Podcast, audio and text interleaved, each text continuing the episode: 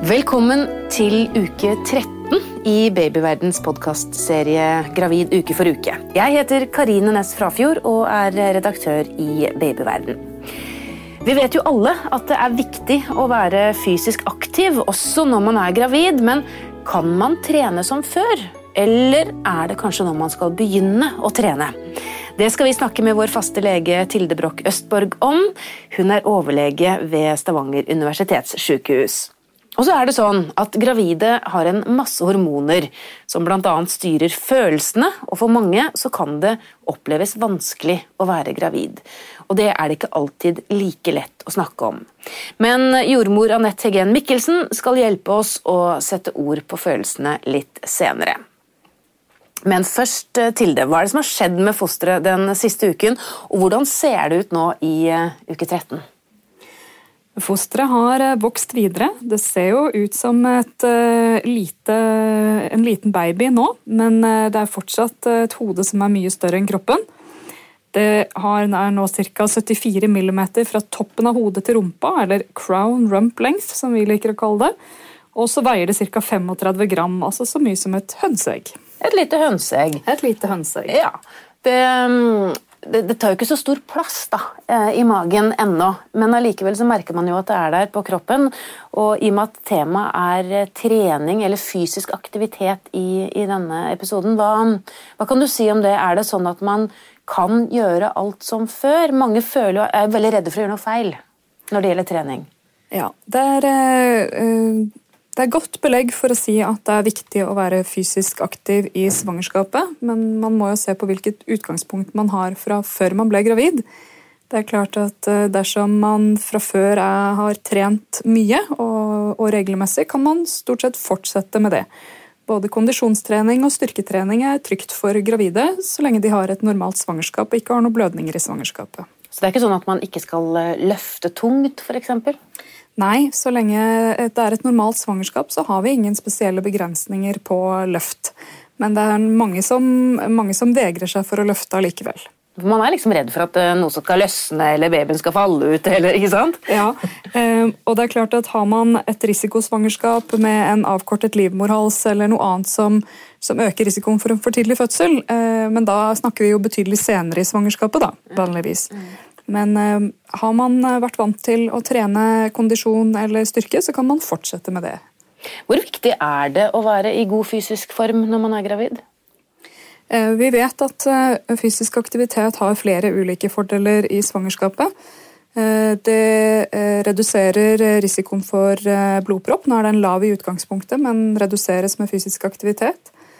Vi vet at fysisk aktivitet er eh, viktig for, eh, for, forbrenning i forhold til eh, det å unngå for stor vektoppgang, og, og for å regulere i forhold til en eventuell svangerskapsdiabetes.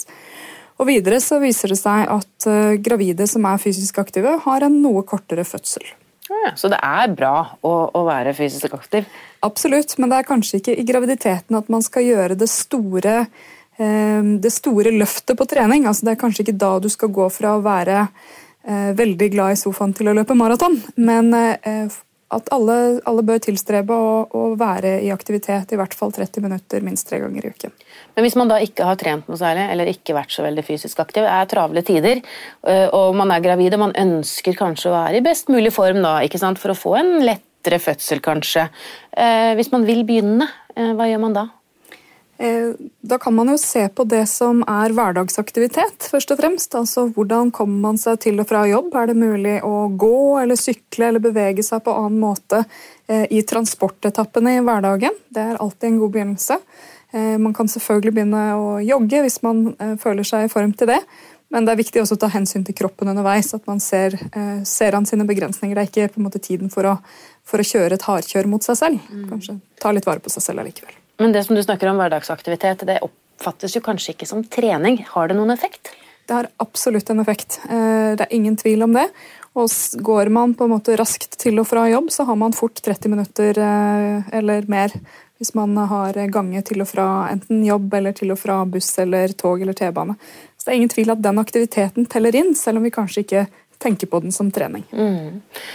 En annen ting med det å trene og være i fysisk aktivitet, er jo det at det frigjør en del hormoner. Mange snakker f.eks. om dette lykkehormonet, man blir glad av å trene, og det har vel også en positiv effekt, kanskje? Absolutt. Eh, det frigjøres endorfiner når vi trener, særlig hvis man får opp litt puls og, og trener litt mer aktivt. Og det er eh, gunstig både fysisk og psykisk. Og så er det jo en del andre hormonelle endringer i svangerskapet som vi har vært inne på. Eh, det mange kanskje ikke er klar over, er at vi har 20-30 ganger så høyt østrogen i svangerskapet som vi har til vanlig. Og det virker på kroppen i forhold til eh, at enkelte kan føle seg mer i form. Det er selvfølgelig ikke alle, men østrogen er et, eh, et, et anabolt steroid på et vis, som vi okay. lager, lager, av oss selv. Um, ja, hva, hva, betyr det? Hva innebærer det? da? Altså, du sier man kan bli mer våken, men er det andre effekter av det? Østrogen virker jo selvfølgelig også på fettfordeling og på bryster og, og sånn, men eh, det virker også på, um, på muskulatur. Litt av det omdannes til testosteron, så enkelte kan oppleve at de kanskje får noen hår eller eh, sånn som de ikke var vant til å ha. Oi. Um, det hørtes litt skummelt ut. ja, gjerne litt sånn mørkere hår langs eh, midtlinjen av magen eller rundt brysthortene brystvortene. Og enkelte får noen ekstra hår på halsen eller på overleppa. Oi, Er dette noe som er forbigående? Uh, det er i hvert fall går i stor grad tilbake etter at svangerskapet er over. Ja, Så man kan rett og slett få litt bart? Kan rett og slett få litt bart. Og så er det det som vi kaller for svangerskapsmaske, eller eh, som er en sånn brunaktig pigmentering i kinnene som enkelte gravide får. Og som kan være en grunn til å være litt forsiktig med sola. Det er også østrogeneffekt. Ja, hva mener du med det? Man skal ikke være i solen? Jo, man kan godt være i solen, men man er litt eh, økt eh, altså man er litt mer utsatt for å få pigmentforandringer i ansiktet. Og det kan være varige? De kan være varige. Ja, akkurat. Så da må man være forsiktig. Så det at man ofte kaller, litt flåsete kanskje, gravide for hormonbomber, det er ikke uten grunn, det altså? Det er ikke uten grunn. Vi snakker en mangedobling av de fleste kjønnshormoner. Eh, og østrogenreseptorer har vi jo i absolutt alle vev i hele kroppen, også i hjernen og overalt. Så det er ingen tvil om at eh, gravide er eh, hormonbomber. Mm. Men Hvilke andre hormoner er det man får? da? Er det flere typer, eller er det kun de to du har snakket om nå? Dette er kjempesammensatt. Eh, det er flere hormoner som virker inn. HCG, eh, altså humant curiogonadotropin, har vi snakket om tidligere. Mm. Det produseres i morkaken og opprettholder svangerskapet, også forbundet med svangerskapskvalme. Og så er det progesteron, som er et kjønnshormon som, eh, som også hjelper til med å opprettholde svangerskapet, og som gir økt vekst av bryster og den eh, litt uheldige effekten at all glatt muskulatur i kroppen blir litt eh, slappere. Det vil si at den for at livmoren skal holde seg helt i ro under svangerskapet, altså at den ikke skal på en måte utstøte noen ting, så gjør progesteron at den holder seg i ro. Men det roer også ned tarmen, så mange gravide opplever jo å bli ganske forstoppa. I tillegg så virker den på glatt muskulatur i karene i kroppen, så hemoroider og åreknuter og en del sånne ting påvirkes også av progesteron. Det er i tillegg mange andre hormoner som også endres i svangerskapet, men i mindre grad. Dette er på en måte de sentrale svangerskapshormonene. Men egentlig alle hormonelle akser i kroppen, altså alle hormonelle systemer i kroppen påvirkes. Så det at man sier at det er hormonene som styrer meg, eh, jeg tenker på f.eks. i et parforhold, eh, man gråter lettere, det er mye følelser ute og går, det, det kan man faktisk unnskylde. Man kan ikke noe for det. Det er rett og slett hormonene som løper løpsk. Det er i hvert fall en, hvert fall en forklaring. Eh, om man kommer unna med det som en unnskyldning, det er vel ofte opp til partner å, å, vurdere. Men man kan kanskje kreve litt ekstra oppmerksomhet og litt ekstra omtanke eh, når man er gravid, med tanke på alt det som skjer i kroppen?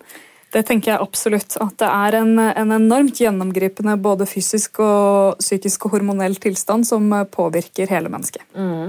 Og Det skal vi snakke mer om etter pausen med Anette Heggen Mikkelsen. For hun vet, hun snakker med mange gravide, og hun vet uh, veldig godt at det er mye følelser ute og går, og ikke alle er like enkle å takle.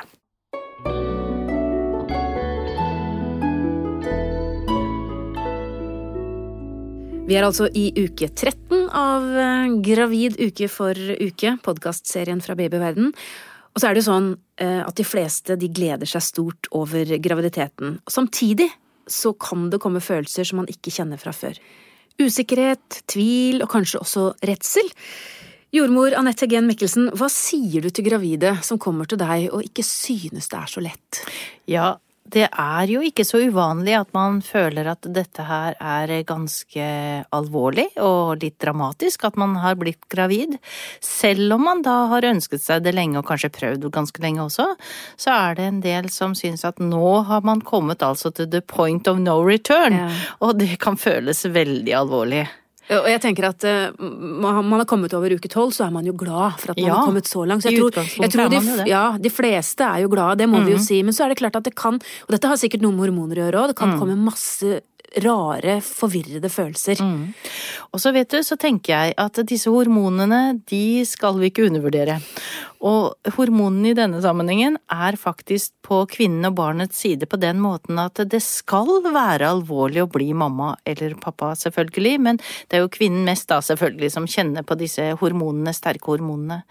Så det å ta inn over seg at nå skal man bli mamma og nå skal man føde et barn, det er kanskje noe man rett og slett må bare tenke at nå fungerer kroppen min bra, dette er optimalt bra, at jeg kjenner på at dette er alvorlig, for det er en stor oppgave, det.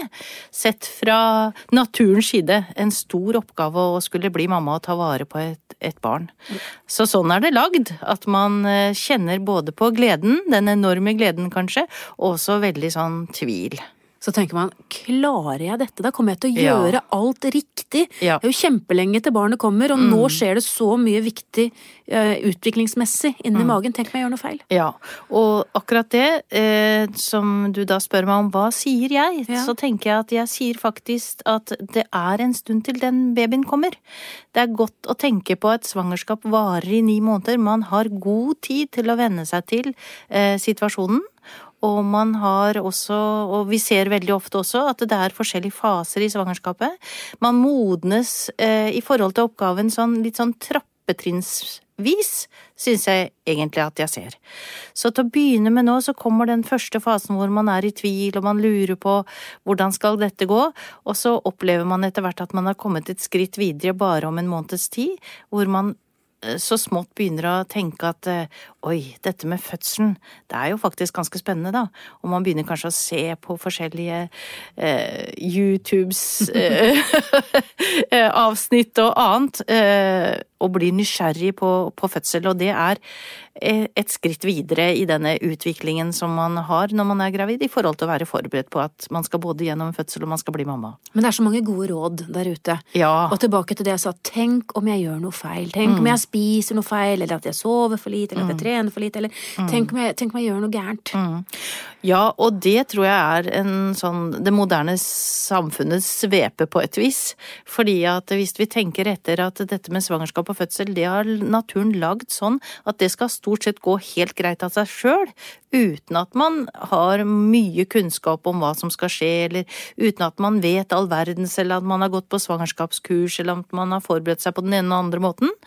Dette er faktisk lagd sånn, da, at uh, dette går bra stort sett uh, helt automatisk på et vis. Og så høres det ut som en klisjé, men det å lytte til kroppen, er det sånn at kroppen kanskje sender signaler til deg uh, som du på en måte bare må stoppe opp og lytte til? For eksempel ja. at 'jeg har ikke lyst på det', nei da skal jeg mm. kanskje ikke spise det? Ja, helt riktig, og det er jo veldig fornuftig det du sier der, fordi at uh, jeg tror det er kanskje det største problemet når vi haster i vei og ikke er oppmerksom på graviditeten på et vis og tenker etter hvordan har jeg det i dag, så, så kan man nok overse en del av disse symptomene som går på at man får noen gode tegn på hva man skal gjøre. For eksempel hvile mer. Ja, for kroppen gir beskjed, er det så? Mm, jeg tenker det. Ja. Eh, men det der med å gi, som jeg vet mange syns er vanskelig, gi slipp på kontrollen. Ja. Altså, det er på en måte noen som har Du har fått en eh, hybelbord ja. inn i magen, og ja. den bare tar over. Og hvis du er litt sånn som unge kvinner, eller mm. eldre kvinner ofte er i dag, da, så mm. har de jo kontroll på livene sine. Ja, og vet du, jeg, jeg opplever jo at det er noen som syns at dette er ganske hva skal vi si, litt sånn ekkelt? Ja, skal vi ja. si det sånn? ja, det kan vi godt gjøre, for det Ja. sånn, sånn vemmelig følelse, og det er da jeg sier at da, du føler at du da har kommet to the point of no return. Mm. Du, du, vet at dette må du bare på et vis fullføre, og hvordan skal jeg klare dette? Og jeg tror også vi må kunne snakke om at selv om man er lykkelig gravid og ønsker seg å bli gravid, så er det sånn i perioder at du kan nesten føle at du angrer deg litt. Tør jeg dette da? Mm. Kan jeg klare å fullføre dette da? Og det er en veldig vanlig følelse, faktisk. Og den følelsen tror jeg kvinner har hatt i alle tider. Men nå snakker vi om litt sånn lett Eh, bekymring. Mm. Vi skal snakke, jeg har lyst til å snakke om et tema som er veldig vanskelig, og som vi ikke kan gå dypt inn i i denne episoden. Men mm. de som sliter ordentlig psykisk, som mm. har det tungt og mm. vanskelig i hverdagen sin, mm. og opplever at de er gravide. Mm. Eh, hvordan kan de få hjelp til å takle det? Nei, altså det fins jo forskjellige systemer i det offentlige og det private som kan hjelpe gravide som har virkelig store og tunge problemer. Men det er veldig fint å begynne å snakke med jordmor eller legen sin om dette allerede nå, da hvis tingene er litt ute av dimensjon, for å si det sånn. Hvis det ikke er vanlige svangerskapsplager eller vanlig undring eller litt sånn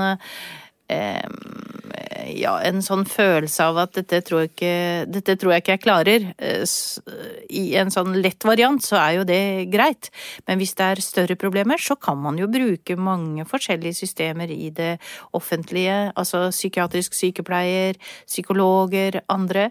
Eh, men jeg tror nok at jeg syns jeg ser at de aller fleste kan få til gode samtaler både med fastlegen sin eller med jordmora si i forhold til å tenke at dette kan man ta litt gradvis.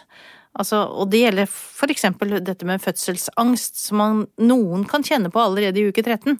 Og da er det viktig å tenke at her fins det systemer på sykehusene og andre steder hvor man kan komme til samtale og snakke om hvordan skal vi ordne dette på best mulig måte, sånn at man får hjelp i fødselen, eksempel.